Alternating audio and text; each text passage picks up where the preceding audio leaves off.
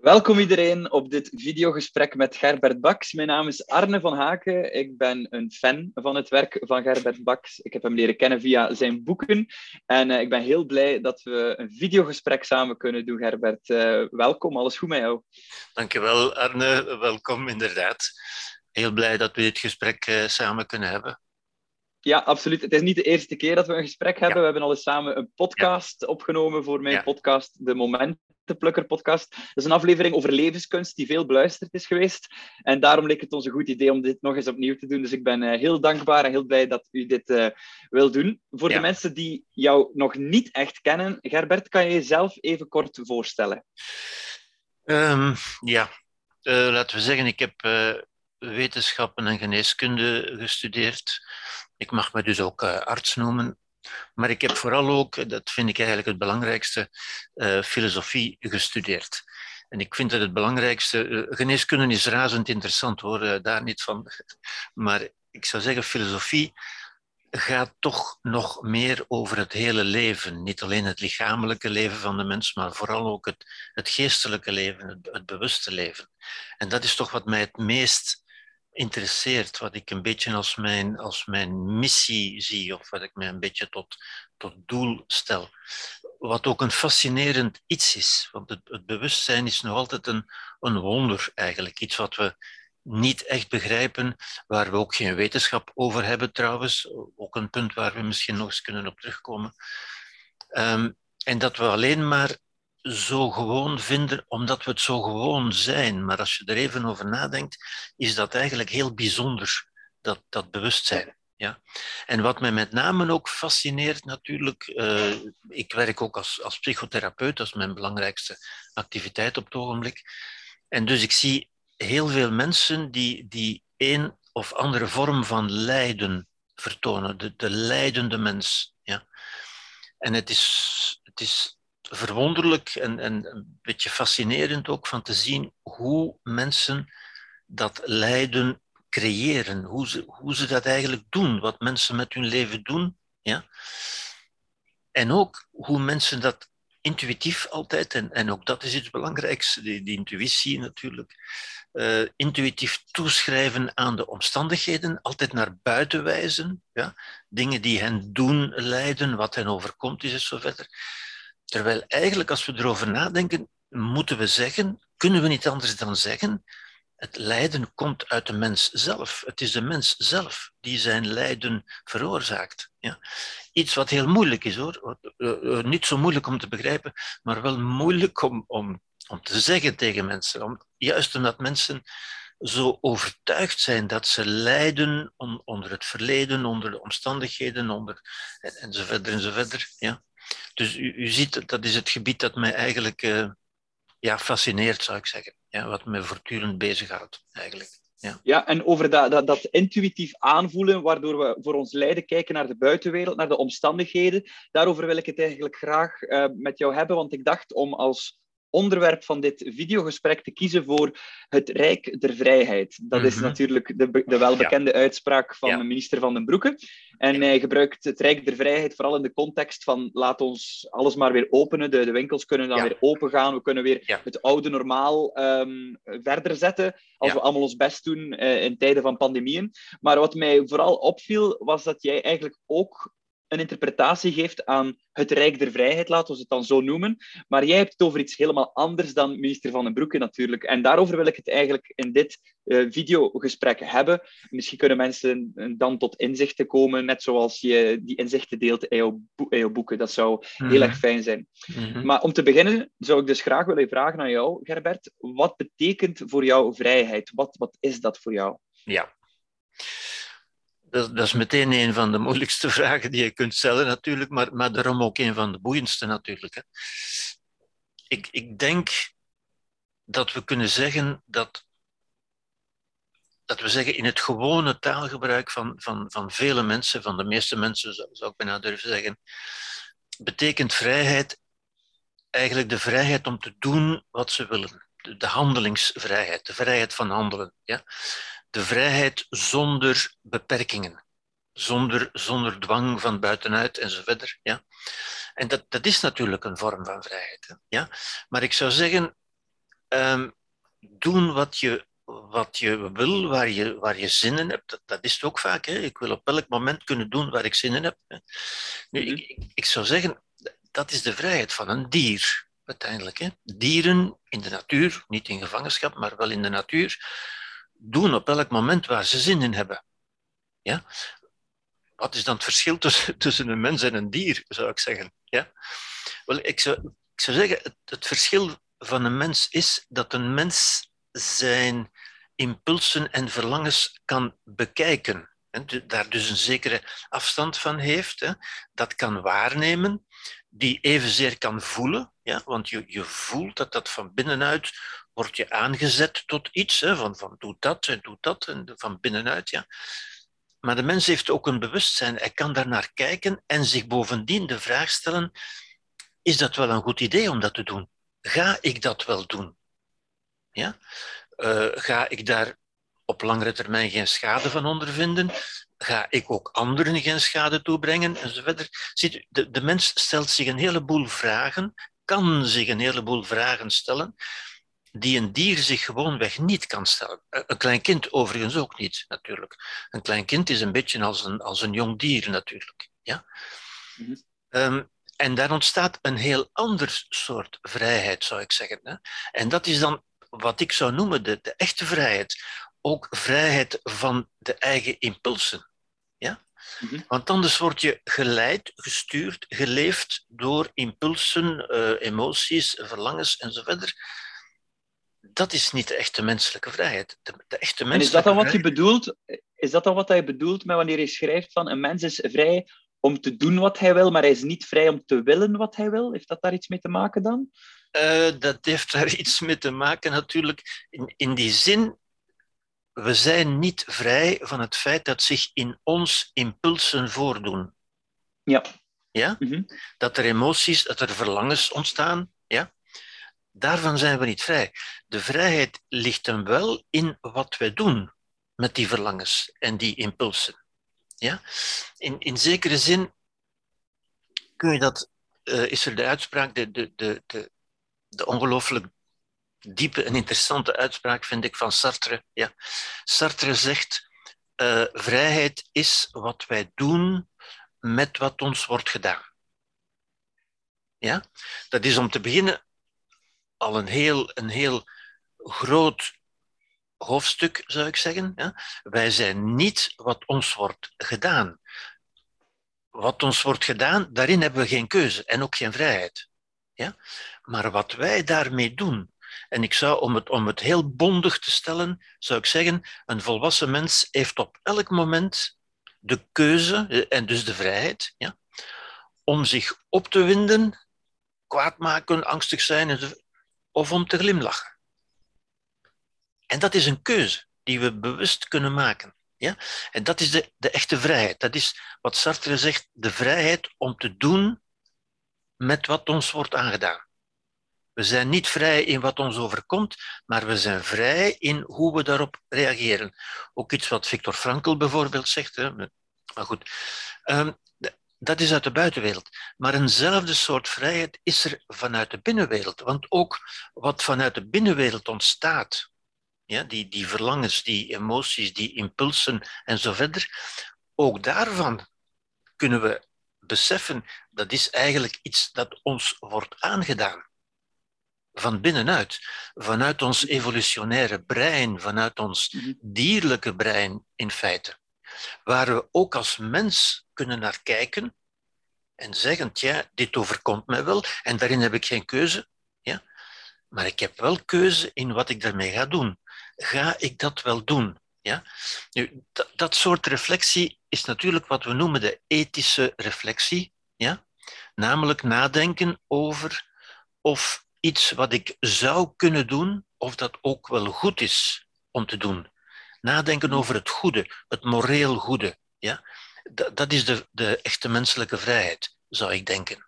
Ja? Zoals ik het zou willen definiëren.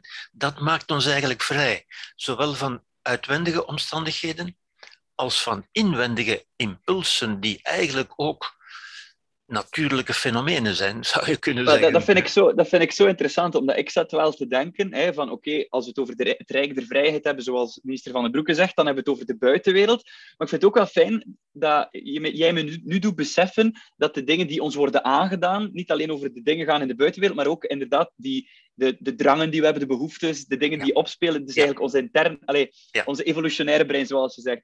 Dat vind ik wel fijn, omdat ineens krijg ik ook het inzicht van het gaat niet alleen over die externe omstandigheden, maar ook die, die interne behoeften en zo. En daar eigenlijk Ja, ruimte in creëren voor we echt handelen en zo. Ja, ja. Vind ik wel interessant. Eh, dan komt ook het lichaam in beeld natuurlijk. Hè? Want ook, ook in het lichaam, in ons lichaam, gebeuren dingen die, die, die voor ons bewustzijn een soort buitenwereld zijn. Ook die gebeuren zonder dat we daar iets over te zeggen hebben. Ja? En ook daar is de vrijheid niet in wat er gebeurt. Ik ben niet vrij om, om ziek te worden of niet ziek te worden, maar ik ben wel vrij in hoe ik daarmee omga. Ja? Zoals ik niet Ja. vrij ben om, om honger te hebben of, of geen honger te hebben, ja? maar wel in hoe ik daarmee omga. En dat is altijd die, die, dat bewustzijn, die bewuste vrijheid. Ja? De vrijheid, niet, niet de handelingsvrijheid, niet, niet doen wat ik wil. Ik kan niet doen wat ik wil, maar ik kan wel zijn wie ik wil.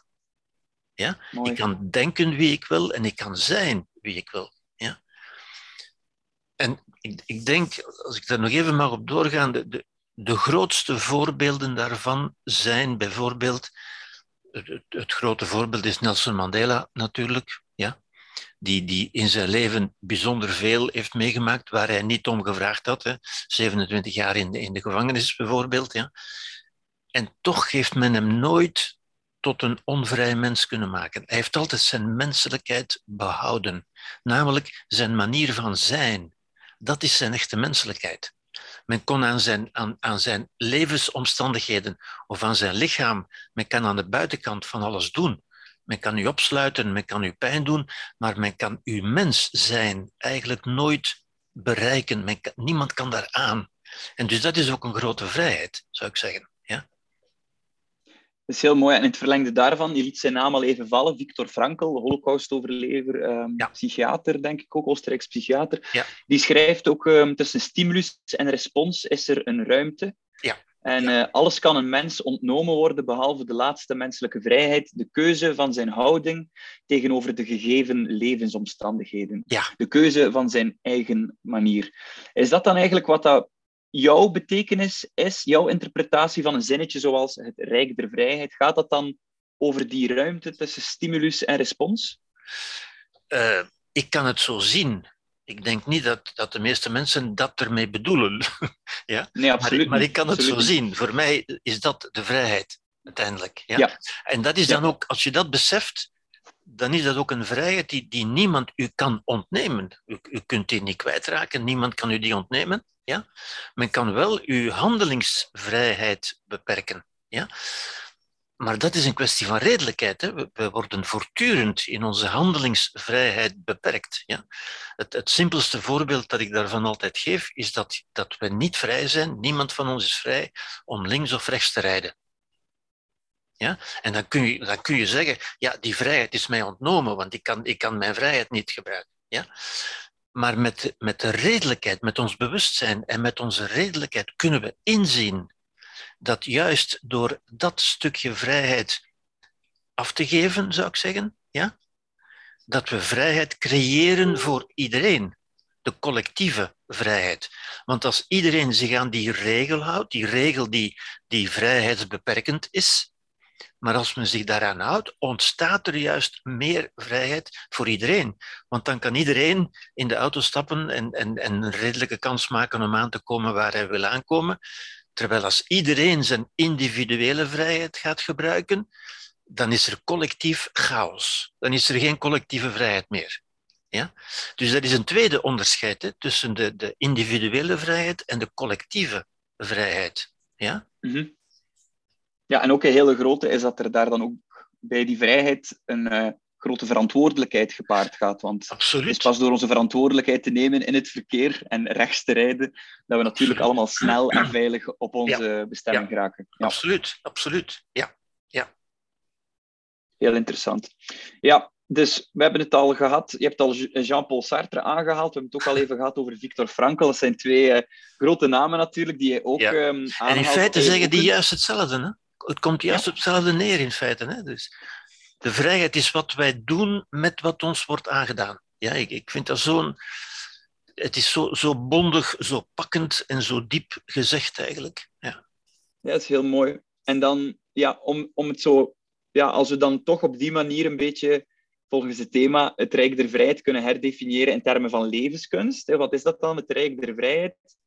Dan denk ik dat het wel mooi is uh, om het Rijk der Vrijheid te zien als die interne belevingswereld, waar we op elk moment um, ja, toegang tot hebben wat er ons ook ontnomen wordt. Absoluut, um, absoluut. Ja, ja dat is, dat is ook wat Victor Frankl zegt. Dat is ook hoe, de, hoe we het een beetje kunnen toepassen in deze tijden van pandemieën en, en, en, regels en zo. Ja. En wat ik ook wel mooi vind, um, of, of mij dan afvraag, is jij schrijft van, kijk, woorden en verhalen creëren werkelijkheden. Ja. Dat is eigenlijk de per, dan zeg je, dat is de performatieve modus van de ja. taal. Ja.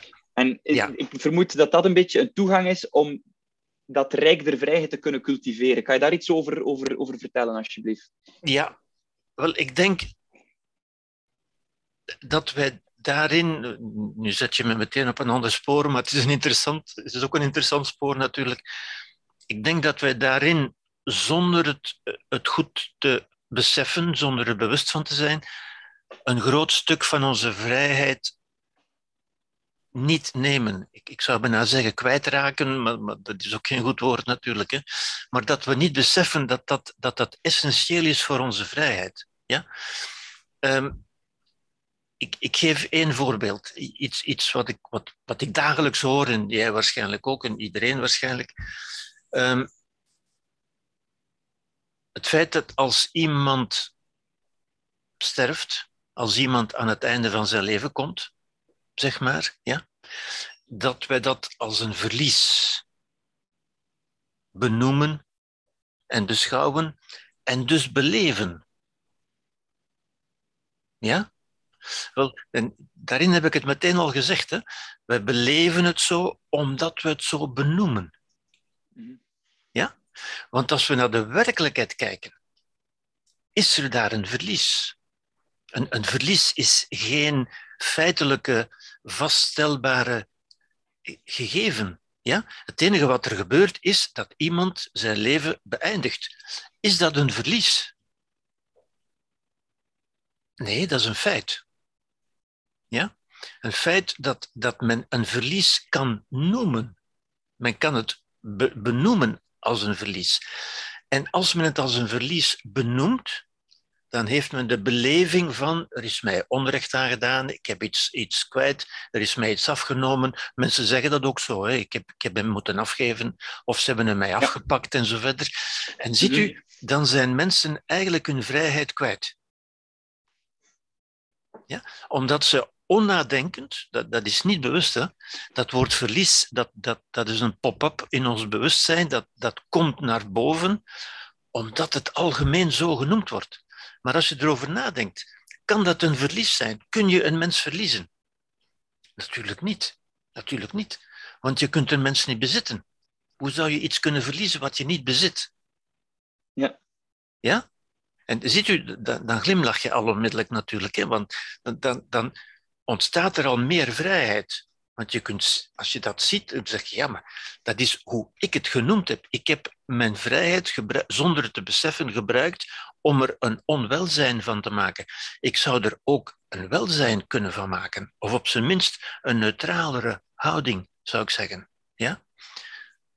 Voor mij was dat, voor mij was dat een heel... Ik had dat wel moeilijk om dat, om dat te aanvaarden, ja. dat inzicht, omdat op een wezen komt het er dan eigenlijk op neer dat wanneer we bewuster onze taal kiezen, we hebben een talig bewustzijn, als we bewuster onze taal kiezen en dingen dus anders benoemen, dat we ze ook anders gaan beleven. Absoluut. En ergens, ergens is dat zoiets groots, omdat als we spreken over bijvoorbeeld verlies uh, van iemand die gestorven is, en we benoemen dat als een verlies, iemand is ons afgenomen, dat gaat gepaard met zoveel betekenis en zoveel verdriet, dat dat bijna iets wordt dat in, in steen gekapt is. En, Ja, en, en ja. omdat het zo'n groot gevoel is. En dan, dan beweer jij, durf jij te beweren, dat ehm, als je het anders zou benoemen, bijvoorbeeld het is geen verlies, het, die persoon is een ervaring geweest, is een geschenk, Juist. Ehm, dan, dan wordt die beleving, door het anders te benoemen, ga ik het ook anders gaan beleven. En Ja. ik kan voor mezelf getuigen dat het, dat het zo is. Als ik het anders benoem, beleef ik het ook anders. Maar ik kan me inbeelden voor iemand die,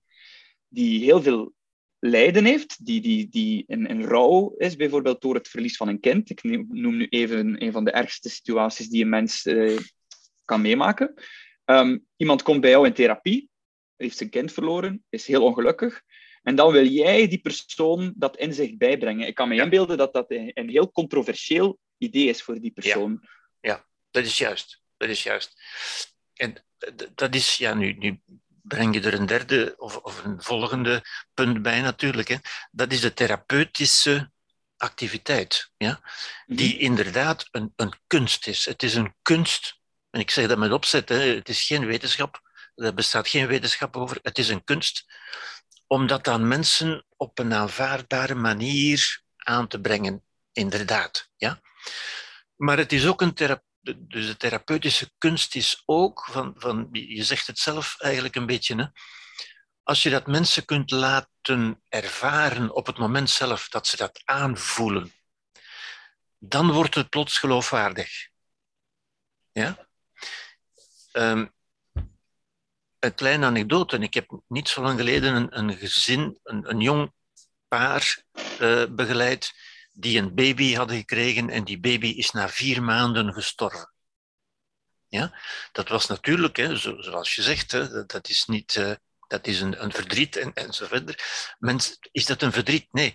Mensen reageren daarop met verdriet. ja? En hoe maken ze dat verdriet? Hoe creëren ze dat verdriet? De gebeurtenis creëert geen verdriet. Het is de reactie van de mens. Bijvoorbeeld door dat verlies te noemen. Ja? En verlies is een, is een, is een concept dat gepaard gaat met, met onrechtmatig, ik ben iets kwijt dat van mij was en zo verder. Nu, ik heb die mensen dus een aantal, uh, niet zo lang, maar ik heb ze begeleid daarin. Ja? Um, onder, onder meer op die manier, hè, door te gaan, door te kijken van, ja, uiteindelijk, je kunt maar verliezen wat je ooit gekregen hebt. Mm-hmm. Ja? Dus het is een verlies van een geschenk. En als je dat ziet, ontstaat er al vrijheid, meer vrijheid, want je kunt je aandacht richten op het verlies of op het geschenk, of op allebei, op zijn minst. Ja? Maar je kunt dus zien, uiteindelijk is het een geschenk. En ook als het maar voor korte duur is geweest, is het toch een geschenk.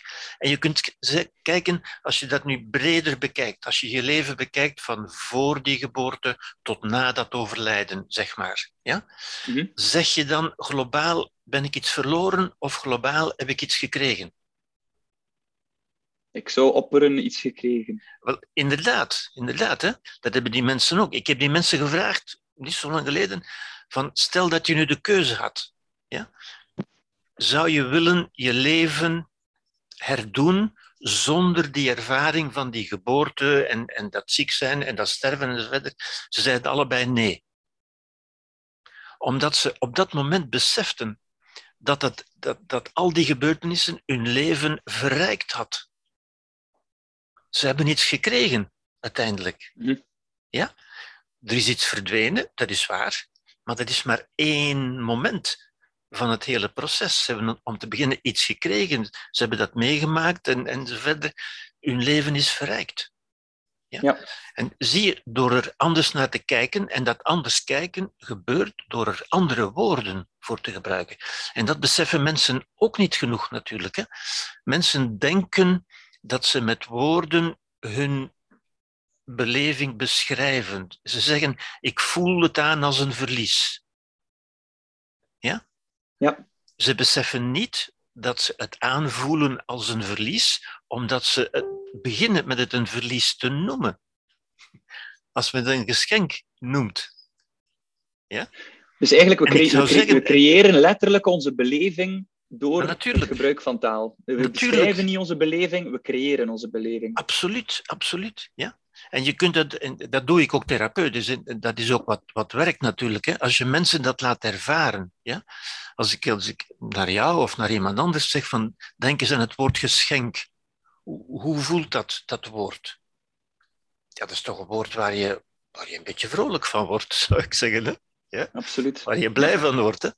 En, en, en proef eens, gebruik eens het woord verlies. Word je daar ook vrolijk van? Uh, nee, dat word ik. Ja?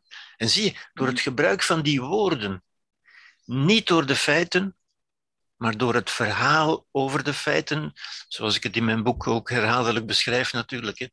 Het zijn niet de feiten die het doen, het is ons verhaal over de feiten. Ja? Feiten een verlies noemen, dat, dat is al een verhaal uiteindelijk. Hè. Verlies is een verhaal. Ja? ja. Het als geschenk zien is een ander verhaal die zijn allebei niet waar en niet niet waar. Het, het zijn verhalen over de feiten. Ja? Ja. Een, een feit is iets wat, wat onomstotelijk waar is. Iedereen kan zien dat kind is gestorven. Geen discussie mogelijk. Ja? Maar of je dat een verlies noemt of een geschenk, daar is veel discussie over mogelijk. Hè? Want dat is geen feit, dat is een manier van kijken. Een manier van kijken is een theorie theorie betekent, komt van het woord kijken in het Grieks. Ja? Dat is een filosofie, met andere woorden. Dat is een manier van er naar te kijken. En die manier van er naar te kijken bepaalt hoe je erover voelt. Ja? Dat vind ik, dat vind ik een, een wonderlijk. Alleen, voor mij persoonlijk was dat door jouw boek te lezen, de strategie van het geluk, was voor mij een heel revolutionair idee. En voor mij persoonlijk, omdat dat mij zo'n gevoel van vrijheid, een soort van bevrijding gaf. Juist. Van, ja, weer al om Sartre te zeggen, het is wat we doen met ons wordt aangedaan. Ja. Het is door die herinterpretatie van feiten dat we ja, ineens kunnen beseffen van we worden niet gelukkig of ongelukkig door onze omstandigheden. Ja. Want ja. Allee, om, om het cru te zeggen, ik kan me inbeelden, eh, dat is nu, ik kan niet spreken voor die ouders die een kind verloren zijn, of ja, die, ik zeg het zelf alweer verloren zijn. ja, ik zelf alweer, ik benoem, ziet, maar het zit, het zit zo diep in ons taal, Juist. zo diep in onze cultuur, Juist. dat we onbewust, ik gebruik nu onbewust het woord verliezen. Ja. Maar, ja, ja, dus sorry, sorry voor, deze, voor deze fout, laat ik Nee, het nee, nee, maar zo nee, nee, nee, nee, nee, want dat is heel interessant wat je nu, wat je nu zegt. Dat is absoluut waar. Ja? Want mensen kiezen dat woord niet. Ja, dat woord komt in hen op, eh, intuïtief, zeg maar. Ja? Ja. En daardoor hebben ze ook intuïtief die, die beleving, die, die emoties en, en zo verder, dat verdriet en zo verder. Ja? En zijn ze dus niet vrij. Dat is juist. En als je dat beseft, ontstaat er vrijheid, inderdaad. Ja? Dat, dat illustreert zeer goed. Ja? Dat illustreert ook dat de taal die wij spreken, is de taal die ons geleerd is. Ja. Ja? En de taal is ons bewustzijn. Ja? En daar denken we gewoon niet voldoende over na. Wa- Waarom doen we dat niet? Omdat het ons niet geleerd is. Omdat er ons niet geleerd is van zorgvuldiger om te gaan met onze taal en dus met ons bewustzijn, in feite. Ja? Maar je, inderdaad, je begrijpt heel goed hoe dat, hoe dat bevrijdt. Bewustzijn bevrijdt. Daarover nadenken. En, en dat is filosofie. Je hebt ook een heel mooie metafoor dat je dan gebruikt, in termen van dat bewust worden en ja, daar, daarmee aan de slag gaan met die interne belevingsruimte. En dat is wanneer dat je zegt van een mens is als een muziekinstrument. Ik citeer even. Hè. Een mens is als een muziekinstrument waar de, de snaren van het instrument de ervaringspatronen zijn. Ja. De taal en de voorstellingen de strijkstok. En ons bewustzijn is de speler die de strijkstok hanteert. Ja. andere woorden, de, gepro- de geproduceerde muziek is onze ervaring zelf. Ja. Kan je Ja. dat even een beetje meer uitleggen voor de mensen die deze metafoor nog niet gehoord hebben? Ja, ik, vind dat een heel, heel sprekend beeld uiteindelijk. Ja? Ehm, wij hebben allemaal dezelfde emoties. Ja? Wij kunnen allemaal kwaad zijn en angstig zijn en, en, en, en blij zijn en, en jaloers zijn. Daarin zijn we allemaal gelijk. Ja, zo- zoals we allemaal, eh, een andere metafoor, zoals we allemaal evenveel spieren hebben uiteindelijk. Ja? Dat is niet waar het om gaat. Het gaat niet om onze spieren of om onze emoties. Het gaat om wat wij doen met onze emoties. En daarom gebruik ik dat beeld van, dat zijn als de snaren. Ja? De snaren die, die zijn er gewoon. Maar op zich doen die niets. Het is pas als wij ze aanstrijken op een viool of aantokkelen op een gitaar dat er muziek komt. Ja? Als we die activeren, met andere woorden. Als we die stimuleren. En dat doen we altijd zelf. Dat doen we altijd ja. zelf, gewoonweg, en, en dat is ook een belangrijk idee natuurlijk, hè, gewoonweg omdat niemand anders dat kan doen. Maar dat gaat ook in tegen onze intuïtie, want mensen denken dat anderen of omstandigheden of, of wat mensen zeggen onze emoties geven. Dat maakt mij kwaad of dat maakt mij blij. Nee, het, het ben jij zelf die die snaren aanstrijkt bij wijze van spreken. En die dus die existentiële muziek, zoals ik dat noem, uh, maakt. Ja? De existentiële muziek is ons, is ons leven eigenlijk, hè? Is, onze, is de dans van ons leven, zou je kunnen zeggen. Hè? Ja? Een mhm. dans gebeurt met, met spieren, maar een dans is niet de spieren.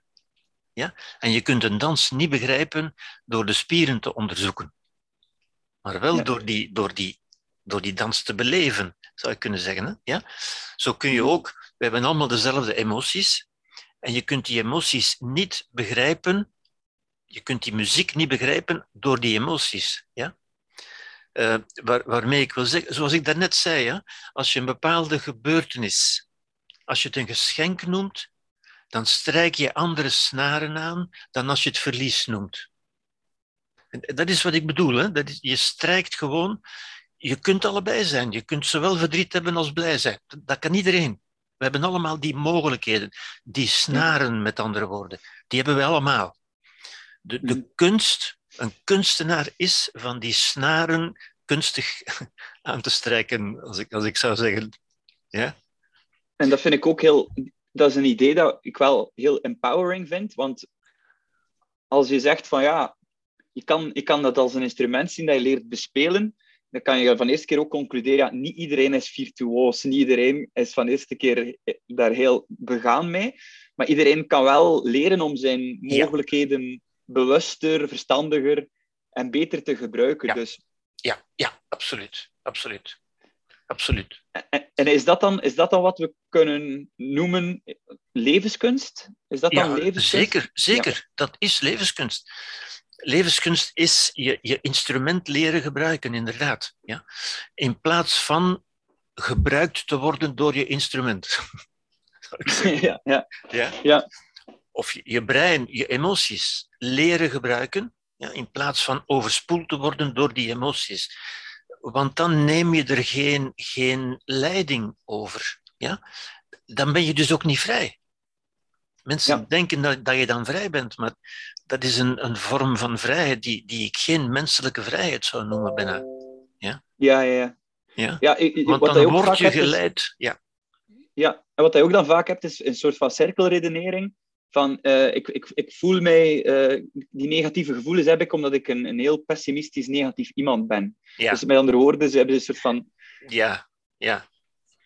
ja. En is dat dan, is dat dan omdat ze niet bewust zijn van het instrument dat ze eigenlijk ja, inderdaad. inderdaad. Ja. Omdat ze zich daar niet bewust van zijn en omdat ze het instrument bespelen op, op een manier die ze door imitatie, een kind leert door imitatie, ja? Mhm. en ze denken dat dat de enige manier is die ze kunnen gebruiken.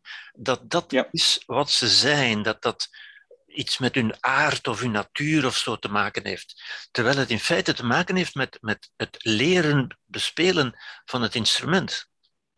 Mhm.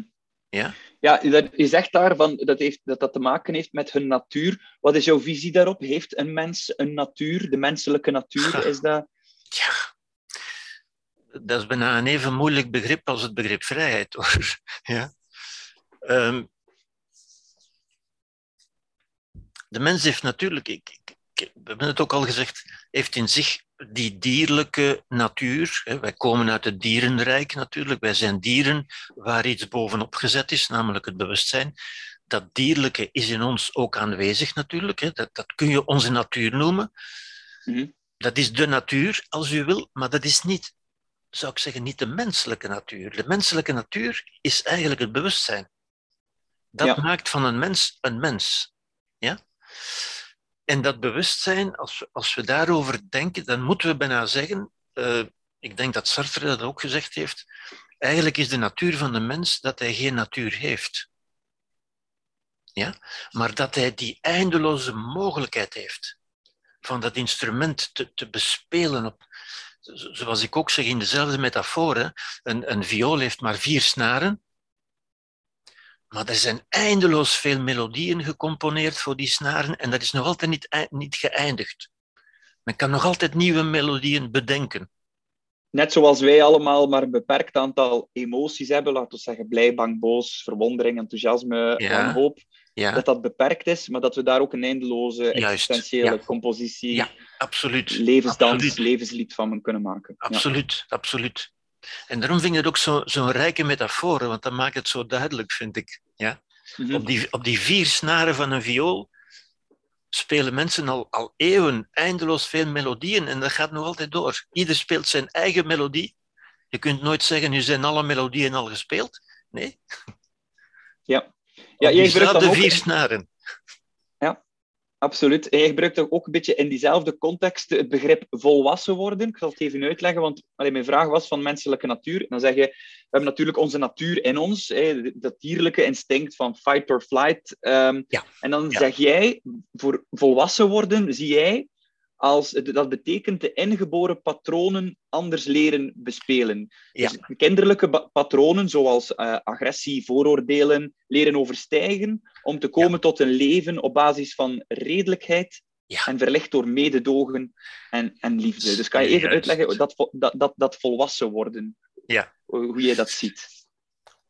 Ja, ik, ik weet niet goed hoe ik het, hoe ik het verder kan uitleggen. Dat volwassen worden is, is, is bewust worden uiteindelijk. Je, je moet zeggen, een kind, een kind heeft dat bewustzijn niet. In, in de zin dat een kind is in feite zijn, zijn emotie. Als een kind angstig is of als het kwaad is, is dat kind bijna helemaal angst of helemaal kwaadheid. Dat is bijna kwaadheid.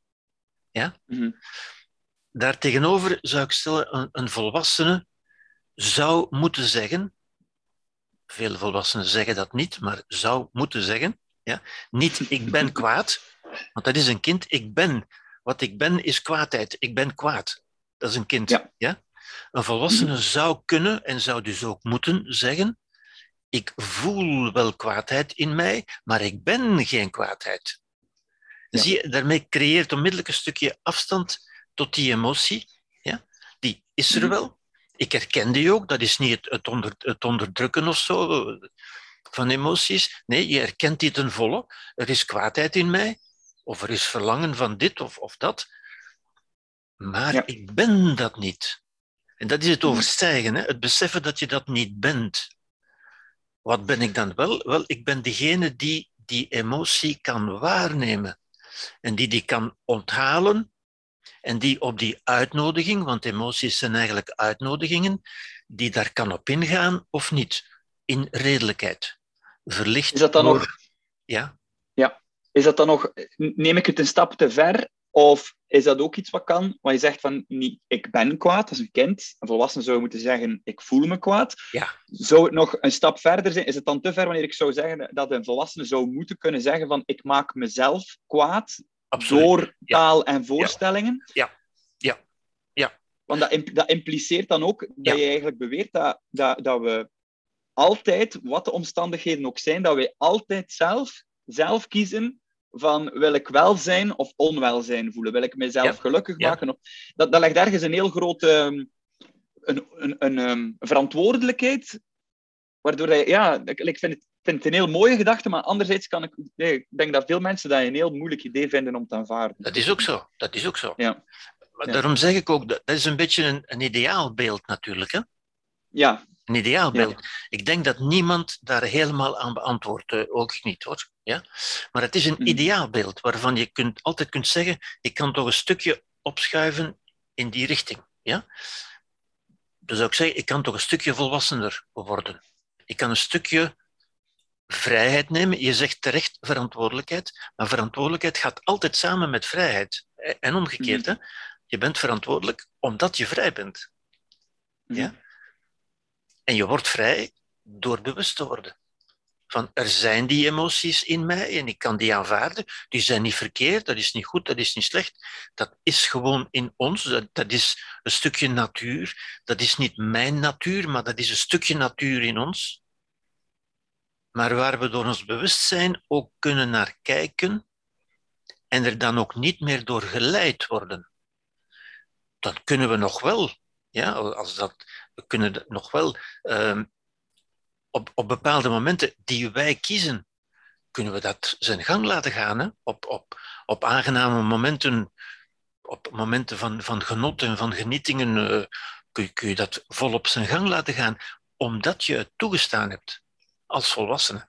Mhm. Niet omdat je erdoor overspoeld wordt. Ja? En dat is ook dat, dat, dat, dat idee, die ideeën en die, die woorden zijn zo ongelooflijk belangrijk. Hè? Men noemt dat dan ook spontaan zijn, bijvoorbeeld of mhm. authentiek zijn. En dat zijn woorden die een positieve bijklank hebben. Daar staat onder, dat is goed. ja? ja? Dat is de ondertiteling van dat woord is en dat is goed. Ja? Spontaan zijn wordt, wordt goed gevonden. Ik zeg dan altijd, ja, mijn kat is spontaan. in, in de zin van, die, die beleeft altijd, die doet altijd wat, wat, wat opkomt. Want die kan dat niet in vraag stellen, die kan er geen afstand van nemen. Dus dat is spontaan zijn, maar dat is ook een kinderlijk zijn. Dat is niet verboden, hè? dat is weer niet verboden. Hè? Maar je moet zeggen, dat, dat is toch niet, dat is niet volwassen zijn. Ja? Nu, ja. Ik zeg ook niet, je hoort mij ook niet zeggen dat je, dat je op elk moment uh, volwassen moet zijn. Je mag gerust uh, je kind zijn gang laten gaan. Ja? Maar het is de volwassene die daar de toestemming moet voor geven. Ja, wat, wat, wat, zo mooi is wat je zegt, van inderdaad, als het, als het over genietingen gaat, of genot, of, of positieve dingen, ja, je staat, het staat je vrij om daar niet in tussen te komen en dat ten volle te beleven. Maar het gaat over de vrijheid, um, dat je zelf kan kiezen als het minder gaat, om dat bijvoorbeeld dan niet toe te staan, of daar iets mee te doen, aan de slag te gaan. Uh, om wel die vrijheid te creëren. Voor mij persoonlijk is dat echt, um, Herbert, een, een, een, revolutionair idee. Ik vind dat heeft mij enorm, uh, enorm bevrijdend gewerkt, dat inzicht. En um, ja, vandaar dat ik het ook zo fantastisch vind dat je met mij in uh, gesprek wil gaan daar rond. En ik denk dat we een goede job gedaan hebben om het Rijk der Vrijheid even te herdefiniëren mhm. in termen mhm. van, van, van levenskunst. Um, dus als jij dit een goed punt vindt om ons videogesprek te beëindigen, zou ik het hier graag bij houden. Tenzij jij hierom nog iets, nog, iets, nog iets wil aanvullen, um, ga je gang. Nee, ik, ik wilde gewoon zeggen dat het inderdaad over zeer essentiële dingen gaat. Maar je, je hoort ook misschien, we hebben, we hebben het, het is een beetje ja, moeilijk, we noemen dat moeilijk om daarover te spreken, maar daarom is het ook voor mij nooit, nooit af. Het, je ziet het ook aan mij, hè? Het, spreken daarover. Hoe meer ik erover spreek, hoe meer ik me dat ook zelf bewust van word, hoe meer ik ook mijn eigen bewustzijn ontwikkel, zou ik zeggen. Ja? En het is maar door daar veel over na te denken, ja? Um, ik vergelijk dat ook soms met, we zeggen nog altijd, de zon gaat op en de zon gaat onder. Ja? Terwijl we in mhm. feite toch weten dat de zon niet opgaat en niet ondergaat. Ja? Dat is maar die intuïtie dan. Ja. ja. dat mhm. gaat in tegen onze intuïtie. Ja, wij, wij zeggen, uh, ik, ik sta toch wel stil, dat voel ik toch wel. Ja? En ik zie toch dat de zon... En dan moeten we altijd opnieuw nadenken en, en dat gaat nooit, nooit weg in feite. Het nadenken daarover is nooit geëindigd. Ja? Ik moet nu nadenken, het wordt nu kouder. Dat is omdat onze aarde, deze kant van de aarde, zich verder van de zon heeft gedraaid. Ja, het is een beetje dat, hè? De bewustwording ja, van. De bewustwording, en zo, ik, ik denk, het is door erover te praten, erover te schrijven, erover te dialogeren, dat we ook meer bewust erover worden. Absoluut. En ik vermoed dat de mensen die hier naar kijken en hier naar luisteren ook uh, levenskunstenaars zijn die daar bewuster van willen blijven worden.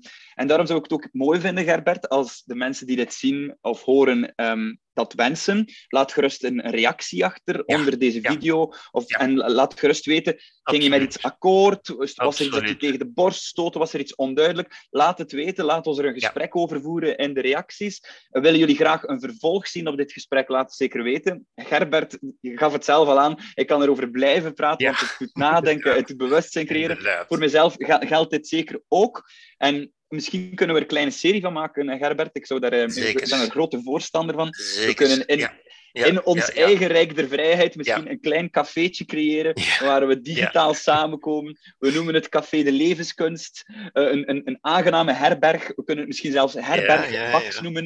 Maar dat zou een te onnozele woordspeling zijn. dus ik, uh, ik verkies toch misschien Café de Levenskunst of zo. Maar in ieder geval, Kerbert, bedankt om hier um, met mij dit gesprek aan te gaan. er is nog zoveel dat ik je zou willen vragen, waar jij waarschijnlijk over zou willen praten. Dus ik, um, ik hoop dat de mensen enthousiast zijn over een eventueel vervolg. Um, we dat bij volgende geval... gelegenheden gaan we dat doen. Ja. Dat zou heel, heel leuk idee. zijn. Heel goed idee. Gerbert, bedankt voor dit uh, enorm verhelderend Arne, dankjewel voor dit gesprek.